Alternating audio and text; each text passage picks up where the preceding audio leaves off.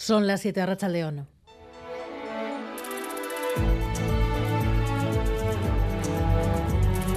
Gambara con Arancha García. Pekín, Shanghai, las principales ciudades chinas bajo un fuerte dispositivo policial tras las últimas protestas, el descontento, el hartazgo por la continuidad de los confinamientos, las restricciones COVID han mostrado al mundo imágenes impensables hasta hace poco, manifestaciones y manifestantes gritando contra el presidente Xi, contra su política la Turquía corresponsal. ¿Cuál es la última hora? Hoy no se esperan grandes protestas, pero la gente se mantiene alerta y hay una gran presencia policial en varias ciudades. Desde la mañana, la gente ha seguido publicando mensajes críticos en las redes sociales, pero hacia el final del día ya se nota que la oleada de protestas de este fin de semana ha ido perdiendo su fuerza. Ahora esperan a ver si las manifestaciones darán como resultado la relajación de las medidas de prevención de contagios, que es lo que han exigido miles de personas estos últimos días. Tras el fin de semana intenso, hoy se respira también cierta preocupación y es que criticar abiertamente al gobierno en China no es habitual y en el país cada vez más autoritario salir en protesta tiene consecuencias serias. Hoy los manifestantes siguen denunciando que en los últimos días ha habido varios arrestos a pesar de tratarse de manifestaciones pacíficas. Ha sido arrestado, entre otros, también un periodista de BBC en Shanghai. La policía se lo llevó cuando cubría una manifestación y lo tuvieron retenido durante siete horas. Además, ha denunciado que al menos un manifestante chino que intentó ayudarle está arrestado. El fin de semana miles de personas han exigido en distintas ciudades el fin de los confinamientos. En Pekín ayer las manifestaciones se alargaron hasta las 3 de la noche entre gritos de no queremos más PCRs, queremos libertad.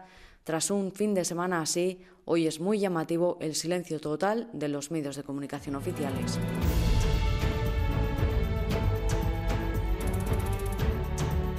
Y la gran banca que adelanta una ofensiva en tribunales contra el nuevo impuesto que va a agravar sus beneficios. El primero, Bank Inter. Yo creo que no nos queda otra opción que acatarlo y eso es lo que vamos a hacer en, en Bank Inter. Ahora bien, a la pregunta de si vamos a recurrirlo, al día siguiente de pagarlo, vamos, pero sin eh, ninguna duda. La audiencia de Navarra no rebajará penas a agresores sexuales. Es la primera audiencia provincial que se suma al criterio de la Fiscalía General sobre la aplicación de la ley del solo sí es sí y es el tribunal que revisará la condena a un miembro de la manada, Ollán Arangoa.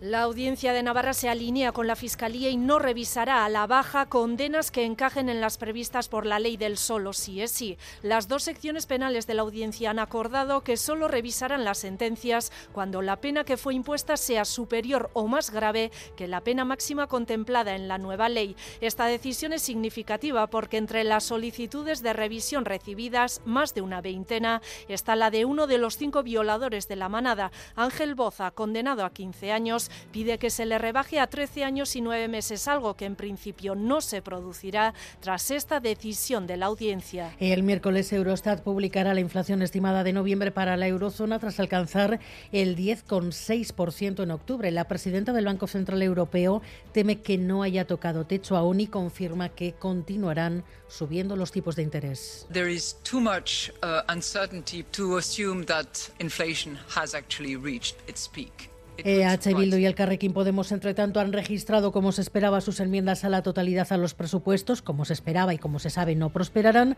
y el Gobierno de Navarra ha decidido llevar al Senado la celebración del 40 aniversario de la Lorafna. En plena polémica por el traspaso de las competencias de tráfico y la presencia de la Guardia Civil, la presidenta Chivita ha insistido en que van a continuar reclamando más cuotas de autogobierno. Quiero también reiterar hoy aquí el compromiso del Gobierno que presido con nuestro autogobierno.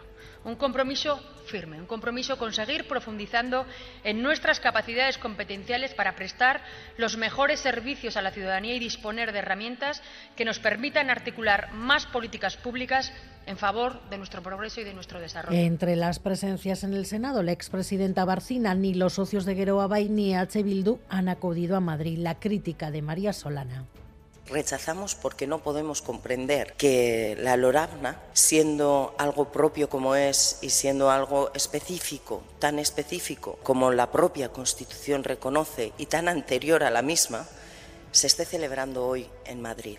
Y el tiempo mañana va a seguir lloviendo en las próximas horas también con mucha fuerza, sobre todo en el este de Guipúzcoa. Como les digo, mañana también lloverá con más intensidad en territorio guipuzcoano. En el resto las precipitaciones serán más puntuales e irán remitiendo. Y en carreteras, problemas hasta ahora en la N240 en Lemoa por el choque de dos vehículos que están ocupando uno de los carriles.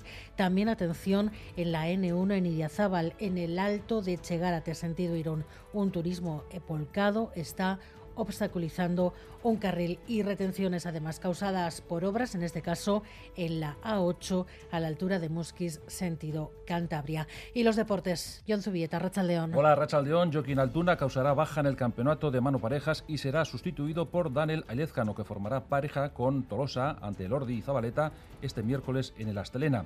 En fútbol, John Uriarte y su junta directiva mueven ficha. Miquel González se convierte en el director de fútbol del Athletic, haciéndose cargo de la sección masculina y femenina. Además, el Alavés ha presentado sus números a un mes de su junta de accionistas. La deuda del club asciende a 55 millones de euros. En el Mundial de Qatar, noticia de última hora, Brasil ha vencido por 1-0 a Suiza. En el resto de la jornada, Camerún y Serbia han empatado a 3 y Ghana ha logrado su primer triunfo al imponerse por 3-2 a Corea del Sur.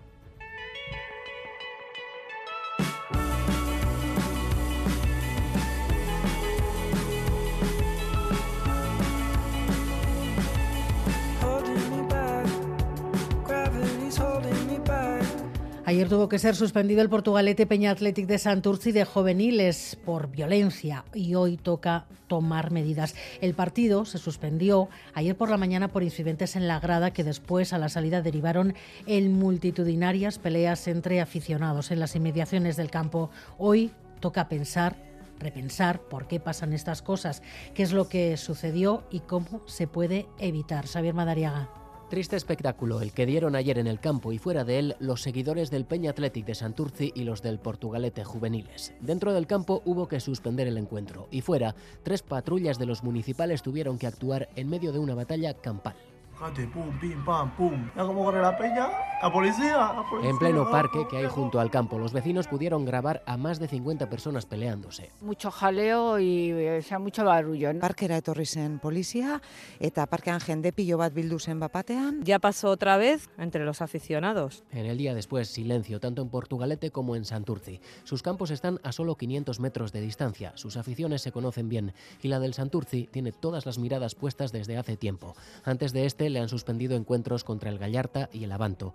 En ese último encuentro dicen que hubo hasta puños en las gradas. La Federación Vizcaína de Fútbol espera que sea el equipo el primero en dar ejemplo que tiene que hacer mucha pedagogía es la Junta Directiva y determinar si eh, tiene que retirar el equipo de la competición. El Portu ni quiere jugar lo que falta de partido y la pelota está en los del Santurci. A esta hora reunidos para decidir qué hacen. Han prometido zanjar el problema de raíz, un problema, el de la violencia, que en la federación admiten va en aumento desde la pandemia.